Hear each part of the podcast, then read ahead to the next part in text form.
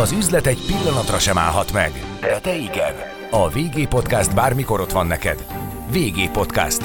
Becsatornáz a piaci hírek, pénzügyek, gazdasági trendek világába. Üdvözlök mindenkit, Andor Attila vagyok. Mint minden évben jövőre is új adószabályok vonatkoznak majd a magyarországi vállalkozásokra és magánszemélyekre. Egy kicsit, mint minden évben megváltozik ez a környezet. Velem szemben Gyányi Tamás, a VTS senior partnere, adó tanácsadó. Szia, üdvözöllek! Szervusz, és üdvözlöm a hallgatókat! VG Podcast. Becsatornáz a piaci hírek, pénzügyek, gazdasági trendek világába. Régi Podcast. Üzletre hangoló. Mi a legfontosabb változás? Mit emelnél ki? Nyilván több dologról fogunk beszélni. Mi a legmeghatározóbb, legmeglepőbb szakmai szemmel?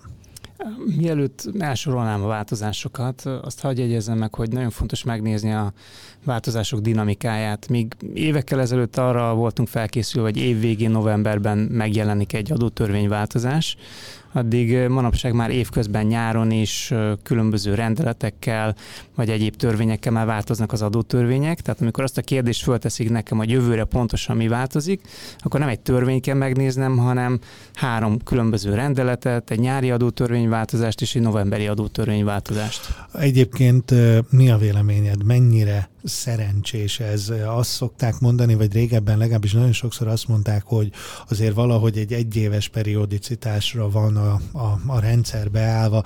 Ezek a júliusban fél évkori változások ö, ö, nem szerencsések. Hát most volt, igen, azt kell tudni, hogy a, például a cégek azt szeretik, hogyha egy évre előre meg tudják tervezni a költségeiket, a bevételeiket, és ugye az adó is ilyen szempontból úgy működik, hogy jó, ha tudják, hogy egy, elő, egy évre előre mit kell fizetni. Hogyha mondjuk egy rendeleti bejelentés alapján pár napon belül különböző adókat kell fizetni, akkor az az, adév, adó, az adott évi költségvetést is egy kicsit megboríthatja. Egyébként emlékeim szerint olyan 2001-2002 tájékán volt az, amikor két évre előre megmondták, hogy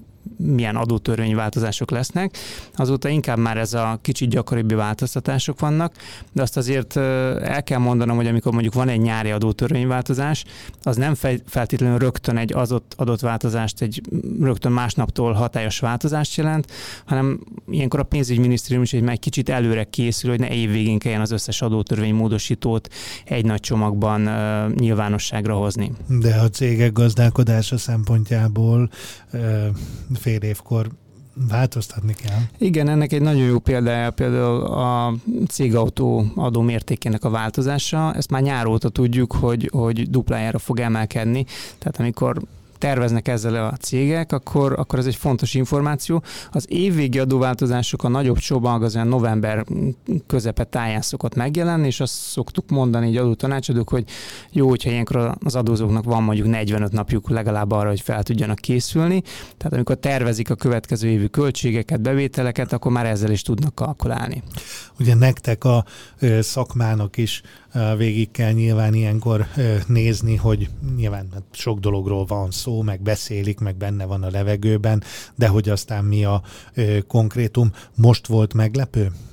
Én azt gondolom, hogy most nagyon nagy változás nem volt, ami az adózóknak a széles körét érinti. Itt két kivételt azért mondanék.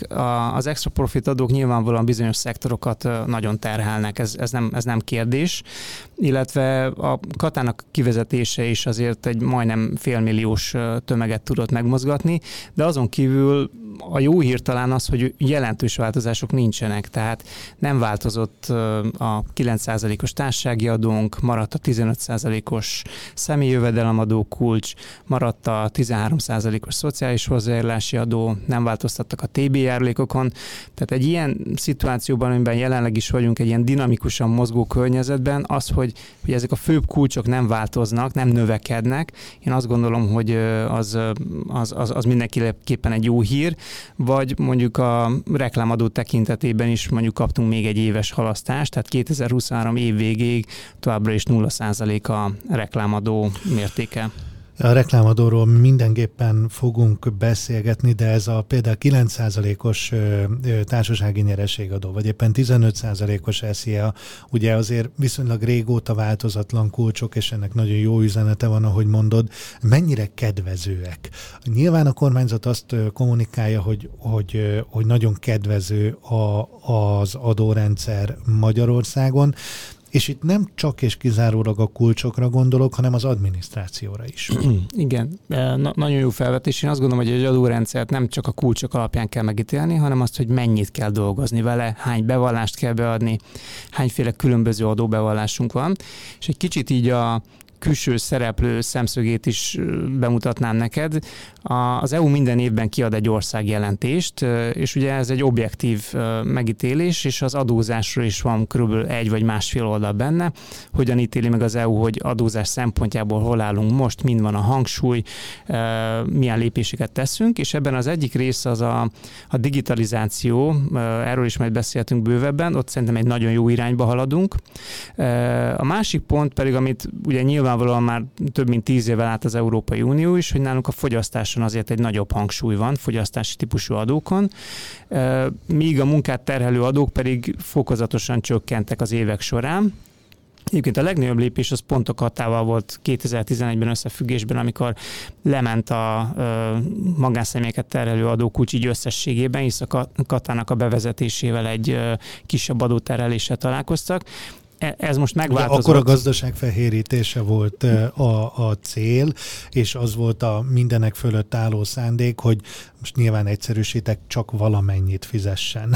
Ez, ezt nagyon helyesen jól mondod, ez, én úgy gondolom, hogy ez egy ilyen edukációs célú adó volt, és szerintem elérte a célját, mert, mert nagyon sokan ö, bekerültek ebbe a rendszerbe, fizették ezt az általányadót, és most is megvan a lehetőség arra, hogy egy magasabb adókulcsal, de mégsem annyira magas adózással, mint a munkaviszony, azért tovább tudják folytatni a tevékenységüket, teljesen legális Az módon. általányadózásra gondolsz. Így van, a személyjövedelmadó törvény szerinti egyéni vállalkozók általányadózására gondoltam. Mennyivel bonyolultabb, nehézkesebb ez, mint a, mint a, a, az a, a népszerű halottakat a Um, és uh, mi a, van egy szám a fejedben, hogy az eddigi katások hány százaléka választotta? Hát igen, ugye itt szeptemberben volt a nagy vízválasztó, és azért, azért egy pár ezeren a több százeres tömegből maradtak a katában, tehát akik továbbra is a lakosság felé szolgáltatnak, és továbbra is élvezhetik ennek a kisadózó rendszernek az előnyeit. Azért nagy többségében a magánszemélyek ebbe az irányba mozdultak el, és ott egy ilyen 4-500 ezeres tömegről beszélgetünk, itt még mindig úgy látom, hogy vannak kallódó emberek, tehát akikből nem is lett munkaviszonyos, nem is lett uh, egyéni vállalkozó általányadózó, illetve nem is választott valamilyen céges adózási formát, tehát nem, ment, nem alapított egy céget, vagy nem folytatta egy BTKFT-ként tovább a tevékenységét. Tehát itt azért még vannak, uh, vannak olyan emberek, akik lehet, hogy még így évvégével is keresik a helyüket, vagy mondjuk augusztus végével kiszámláztak egy nagyobb összeget, amivel el tudtak még élni évvégéig, és még most gondolkodnak azon, hogy pontosan hogyan tovább. Én azt gondolom, hogy a, az általányadót a novemberi adóváltozások is azért vonzóbbá tették. Például volt egy olyan változás is, hogy a sok közül egyet kiemeljek, hogy a járulék és szocó bevallásukat, a szociális hozzájárulási adó bevallásukat, azt negyed évente kell az a törvény szerinti általányadózó egyéni vállalkozónak majd benyújtania. Ez, ez mindenféleképpen jó, adminisztráció csökkenti a számukra, én mindig azt a kérdést kapom meg ebben a helyzetben, hogy kell-e könyvelő ehhez, vagy nem kell könyvelő. Azt gondolom, hogy alapvetően nem túlzottan bonyolult dolog, de, de lehetnek olyan pontok, ahol, ahol igenis jó, hogyha van egy, van egy, egy könyvelünk, egy tanácsadónk, akivel azért tudunk röviden beszélgetni, hogy jól csinálunk-e mindent, ha már magunk próbálkozunk ezzel. Azt mondtad, hogy a, a digitalizáció ö, meghagyja az Európai Unió is, hogy kedvező szinten áll, és ö, te is azt mondod, hogy, hogy ez egy nagyon nagy dolog, és, és a, a gazdaság felhéredését, az adófizetési hajlandóságot, nyomon követhetőséget, vállalkozásbarát környezetet elősegíti. Jobban állunk, mint a környező országok? Én, én, én szeretem mindig Németországot hozni. Ugye nekünk nagyon sok német ügyfelünk van, illetve a VTS Globálnak is a központja Németországban van, és minden konferencián, ahol találkozunk, akkor a német kollégák így elcsodálkoznak, hogy itt a magyar adóhatóság, hogy mennyire fejlett technikai szinten, tehát ott még előfordul az, hogy papír alapon adják be a, az áfa bevallásokat, most nagyon leegyszerűsítettem, de én azt gondolom, hogy, hogy nálunk a digitalizáció, az e-papír megjelenésével, az e-ügyintézéssel, most egy kicsit kiléptem az adózásból is, az egy, az egy nagyon, nagyon jó irány, és az adózásban pedig az online számlának a, hát most én is online számlát mondtam, de szakmailag nem túl korrekt, tehát az online számlaadat szolgáltatásnak a bevezetése egy, egy nagyon jó gazdaságfehérítő lépés volt. Itt jegyezném meg, hogyha már 23-as adóváltozásokról beszélgettünk, hogy van egy olyan kormányzati cél, hogy a hogy a nyugtákra is kiterjesszük ezt a kötelezettséget, tehát az adatszolgáltatási kötelezettséget. Ez most már azért azt gondolom, hogy egy, egy bonyolultabb ügy, tehát ahol, ahol valami egész kicsi pénzmozgás történik, mondjuk a Balatonparti tégen állva valaki kibérel egy vízibiciklit, és mondjuk eddig kapott arról egy mindenki ismeri a kis kék cetli nyugtát, akkor most ott is kell, hogy legyen internet, áram és valamiféle gépecske, ami ezt elvégzi? Amit most tudunk egyenlőre a törvény szövege alapján, hogy lesz majd ilyen, de a törvény alatti szint, a rendeleti szinten tudjuk majd meg, hogy milyen pontos szabályok alapján kell majd mondjuk egy elektronikus nyugtát kiállítani, vagy milyen helyzetben. Ezeket még, még nem tudjuk, de, de azt gondolom, hogy ha majd három év múlva ismét beszélgetünk itt a podcastban, akkor lehet, hogy ez egy minden nap életünknek egy, egy szerves része lesz. Az, bocsánat, az online adatszolgáltatásnál azért visszaemlékeznék arra, hogy amikor be akarták vezetni, akkor, akkor az adózók körében, vagy a nagy adózók körében, akik mondjuk naponta tízezer számlát állítanak ki, vagy még többet, ott azért volt egy erős hát talán felháborodásnak nem hívom, mert NAV-val szemben nem szeretünk sosem felháborodni. Ellenérzés, köszönöm. E, mert azt gondoltuk, hogy, hogy, hogy nem fog működni, tehát hogy emberi beavatkozás nélkül egy gomnyomásra menjenek be az adatok, és láss csodát, működik. Jó, hát mondjuk az online pénztárgépek ket is, amikor bevezették és, és kiterjesztették, azért akkor is volt, volt egy nagy idegenkedés. Aztán tulajdonképpen már a beállt a rendszer, nem is mára, hanem szerintem elfogadható időtávon annó. Igen, szerintem lehet, hogy Magyarországon az a mondás igaz, hogy minden csoda egy évig tart. Tehát ezek, ezekhez hozzászokunk. Talán a, a különadók olyanok, amihez úgy nehezebb hozzászokni, van, amelyek jönnek, mennek. Um, megint egy kicsit Németországra térnék vissza, hogy egyébként nem mi vagyunk az az egyetlen ország, ahol van különadó, és mindig azt szoktam példaként említeni, hogy 1991-ben Németországban bevezették a szolidaritási adót, ami annak idén a csatlakozással kapcsolatos költségeket e, fedezte volna, hát fedezte is, és az egy egyéves adó lett volna. Még mindig bent, bent van a rendszerben. Magyarországon a különadók közül volt, ami nálunk is volt 4%-os különadó, az már nincs. Tehát ezek a különadók így jönnek, jönnek, mennek, és bizonyos ágazatokat érintenek. Nyilván azokat az ágazatokat nagyon rosszul érinti, és nyilván azokban az ágazatokban ugye határtalan felháborodás, ö, elégedetlenkedés van, de amire utaltál, hogy ugye reklámadó például van, de nincs. Kivégezni a szektort, ha lenne? Azért egy törékeny gazdasági környezetben beszélünk. Lehet a reklám az előre menekülés eszköze, ez már nyilván egy nyilván egy, egy vezetési stratégiahoz kapcsolódó kérdés, tehát költség, annyi biztos.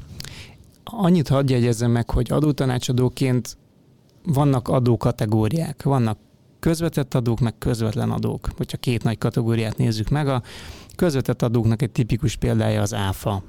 Fogyasztásra rárakjuk, levonhatjuk, tovább görgetjük, stb. Mindannyian ismerjük. Vannak a közvetlen adók, ilyen mondjuk a társasági adó vagy a személyi jövedelmadó. És ezek a külön adók nagyon sokszor a kettő között helyezkednek el, és képzeljünk el egy reklámadót, ami nem a társasági adó szerinti költségek, bevételek különbözöttek közötti profitot adózza le, hanem az árbevételemet.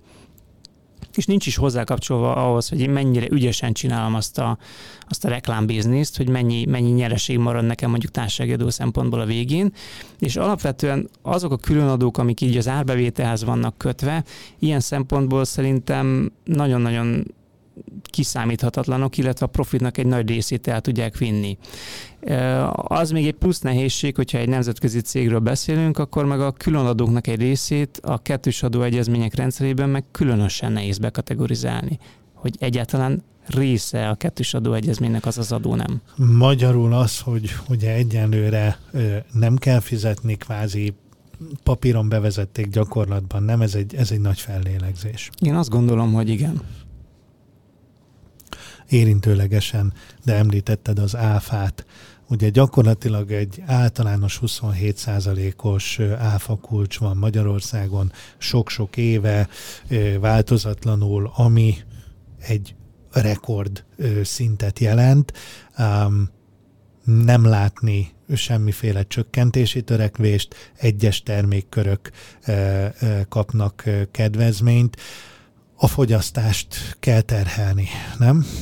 Igen, a inflációs időket élünk, és ilyen szempontból azt mondhatnám, hogy a, hogy az áfa az egy tökéletes inflációs adó. Miért? Azért, mert hogyha a kereskedők elkezdik megemelni az árakat, nekik ugye az áfa nem bevétel, tehát nem abból lesz a, az osztalékuk, meg az a pénz, amit haza tudnak vinni. Ahogy emelik az árakat, a 27% áfa azzal arányosan elkezd növekedni, és nagyobb lesz a költségvetés bevétele. Miért veszélyes ez mégis? De egyébként önmagában az áfa infláció gerjesztő? Mert ugye, ahogy mondod, emelkednek az árak, az áfa tartalom is emelkedik, lehet úgy következtetni, hogy gyorsítja az áremelkedést. Én úgy gondolom, hogy maga a 27%-os áfa lehet, hogy egy olyan tényező, amivel hamarabb el lehet érni azt a tetőt, ami után már egyszerűen a kereskedők sem tudnak tovább árat emelni. Tehát a cégek egymás között, amikor adnak, vesznek, akkor a 27% áfát felszámítják, majd levonják egy zéró összegű játszma ilyen szempontból, de én, amikor bemegyek a boltba és megveszem azt az adott terméket, akkor egyszer lehet, hogy hozok majd egy olyan döntést, hogy ezen az áron, ilyen magas áfakulcsa már nem veszem meg azt a terméket, vagy valamilyen helyettesítő terméket veszek meg, és onnantól kezdve meg lehet, hogy megmarad az az ár, vagy csökkenni fog.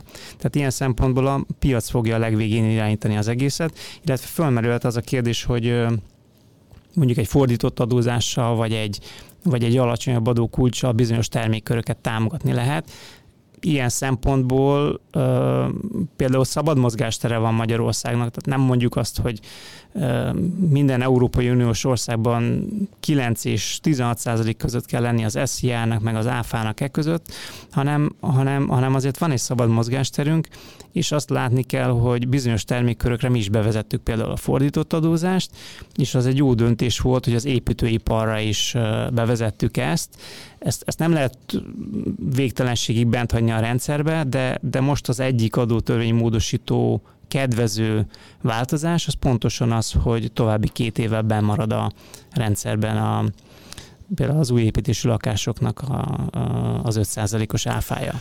Azt gondolom, hogy ez egy, nagyon, ez egy nagyon fontos pont. Mit jelent a gyakorlatban?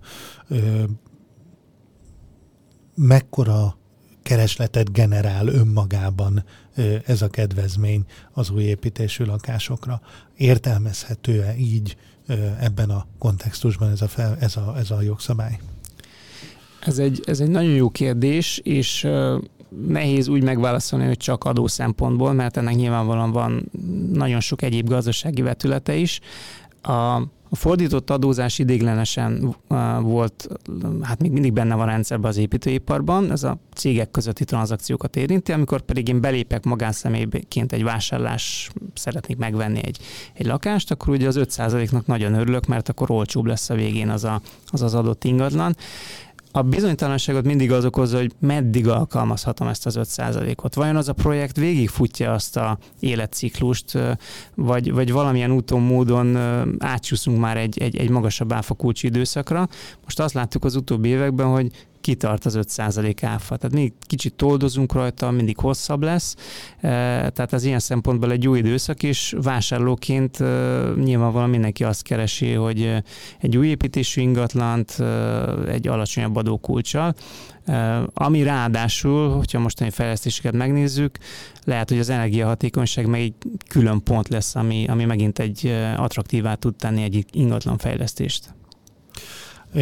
Minden esetre, minden esetre kivégezni a piacot, hogyha kivezették volna ezt a kedvezményes új lakásáfát?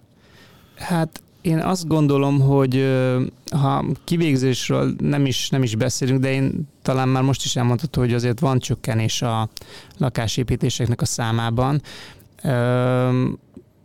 Mindig kereslet kínálati alapon nézzük meg, hogy meddig tud valami növekedni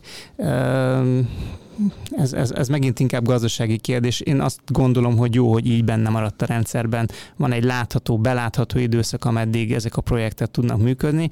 Az meg még jobb lenne, hogyha ez a belátható időszak esetleg hosszabb lenne, vagy több bizonyosság lenne abban, hogy meddig tudjuk még esetleg akár 2000 28 után is mondjuk tudjuk ezeket alkalmazni. Tehát itt nagyon fontos szabály, a hallgatóknak is elmondanám, hogy hogyha akkor tudjuk ezt a kedvezményes adómértéket alkalmazni, hogyha 2024 december 31 után is, hogyha az az építési engedély, vagy az az egyszerűsített bejelentés 2024. Eh, december 31-éig eh, jogerőssé vált. Tehát akkor 2028. december 31-ig még kifuthatnak ezek a projektek.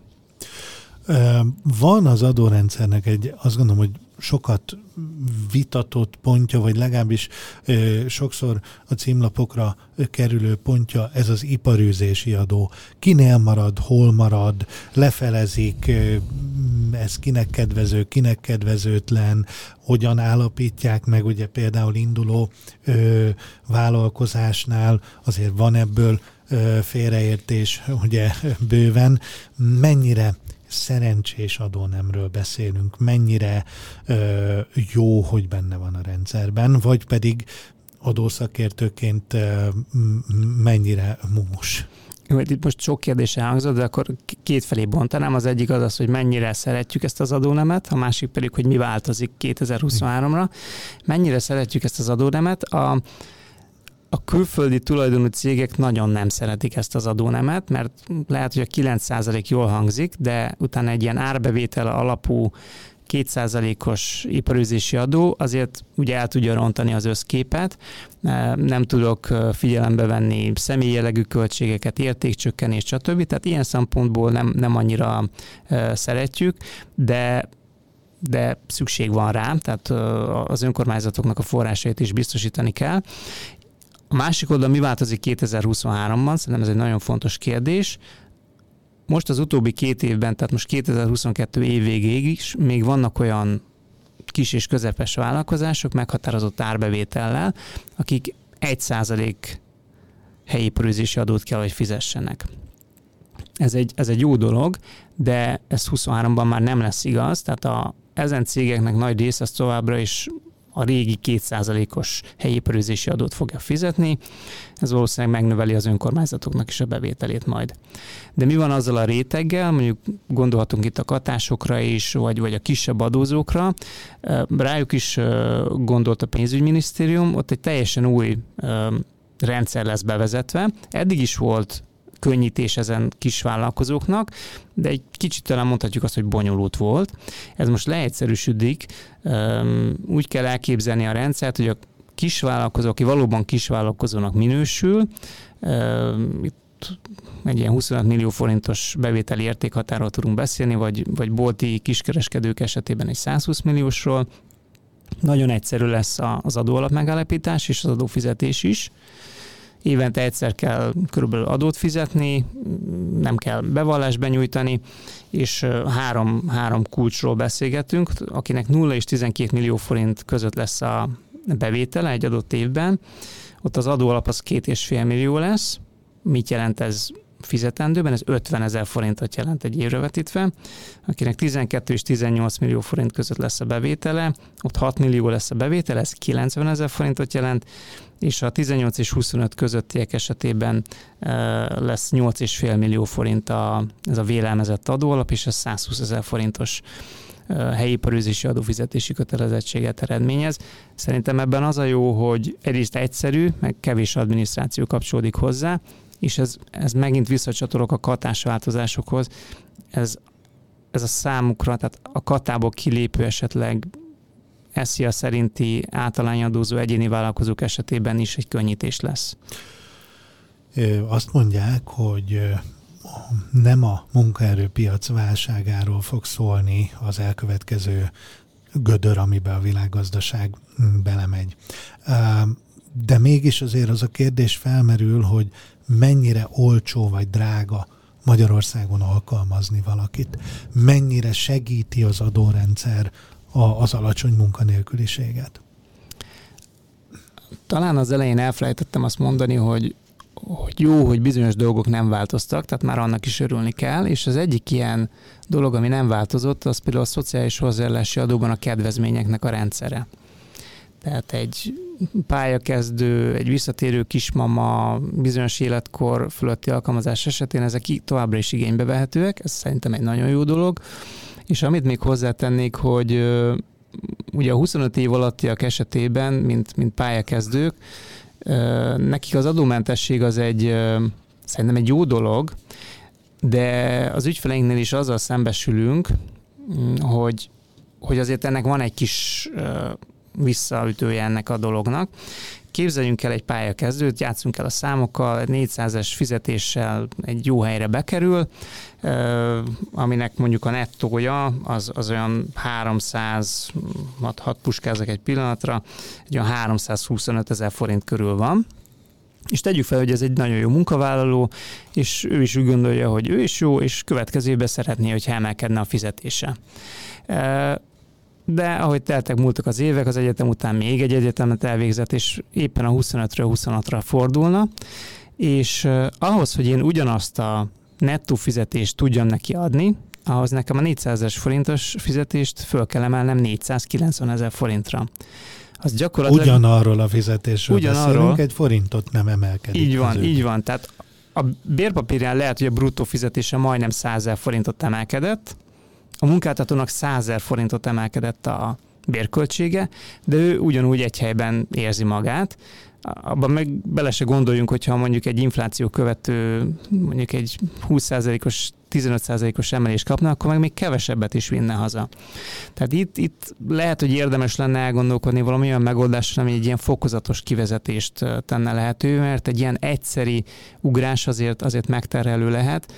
Ugye volt szó arról, hogy 30 évre fölemelik ezt a, ezt a korhatárt. Nem tudom, hogy ö, ugye 25 év alatt azt gondolom, hogy a munkavállalók viszonylag relatíve kicsi aránya, aki dolgozik. 25 és 30 között viszont már nagyon-nagyon sokan munkába állnak. Gondolom, hogy a költségvetési hatás is más lenne így viszont teljesen igaz, amit mondasz, hogy, hogy azért ott hát vagy egy vagy nagyon megdrágul az adott munkavállaló alkalmazása, vagy pedig egy, egy, egy, egy bér, nominális bércsökkenést kell elszenvednie, ami hát azt gondolom, hogy sokaknak nem pálya. Igen, azt, azt gondolom, hogy az a példa, amit elmondtam, azért nem a fiatalok összességére jellemző manapság, hogy még tovább tanul, és éppen egy határponton van, és nem dolgozik 18 éves kora óta. Tehát aki mondjuk 18 éves korától szüksége is van rá, hogy dolgozzon, ott azért, azért egy 7 évnyi időszak az, az nem rossz.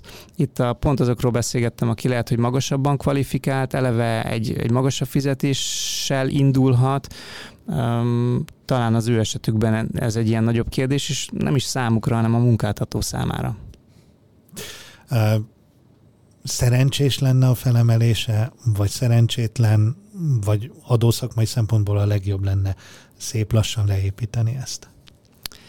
Hát itt, itt erre nekünk is volt már több ötletünk, hogy, hogy egy fokozatos kivezetés, tehát hogy nem rögtön szűnne meg, hanem akkor lenne mondjuk a jövedelemnek a fele, először adómentes, és akkor valahogy így kivezetni, tehát ilyen fokozatos kivezetés, vagy gondolkodtunk olyanban is, ahol ezt a el nem költött adóösszegeket később tudnák kiegyenlíteni mondjuk ezek a fiatalok, mm, hasonlatosan mondjuk egy hitelfelvételhez. Tehát többféle ilyen adópolitikai eszköz lehetne erre, de, de azt gondolom, hogy például 30 évig történő korhatárfelemelés is egy jó pont, de ott sem biztos, hogy mindenki esetében jól tudna működni ez a dolog nem kapcsolódik talán teljesen szorosan az adózáshoz, de mégis az adó kapcsán szoktunk beszélni az illetékek rendszeréről. Van-e itt fontos változás?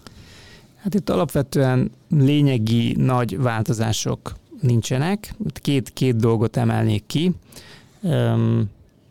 Lehet, hogy sokan emlékeznek a, az illetékbélyegre, vagy ha valaki bélyeget gyűjtött még, akkor tudja, hogy mire való egy bélyeg. A mostani pályakezdő fiataljaink ezt valószínűleg nem tudják, hogy mit jelent az illetékbélyeg, vagy mondjuk egy posta, postai küldeményre illetékbélyeget felnyálozni.